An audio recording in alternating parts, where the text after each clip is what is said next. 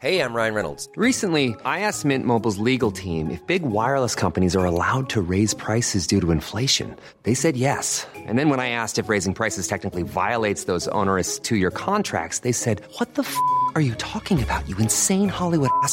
So to recap, we're cutting the price of Mint Unlimited from $30 a month to just $15 a month. Give it a try at mintmobile.com slash switch. $45 upfront for three months plus taxes and fees. Promo rate for new customers for limited time. Unlimited more than 40 gigabytes per month. Slows. Full terms at mintmobile.com.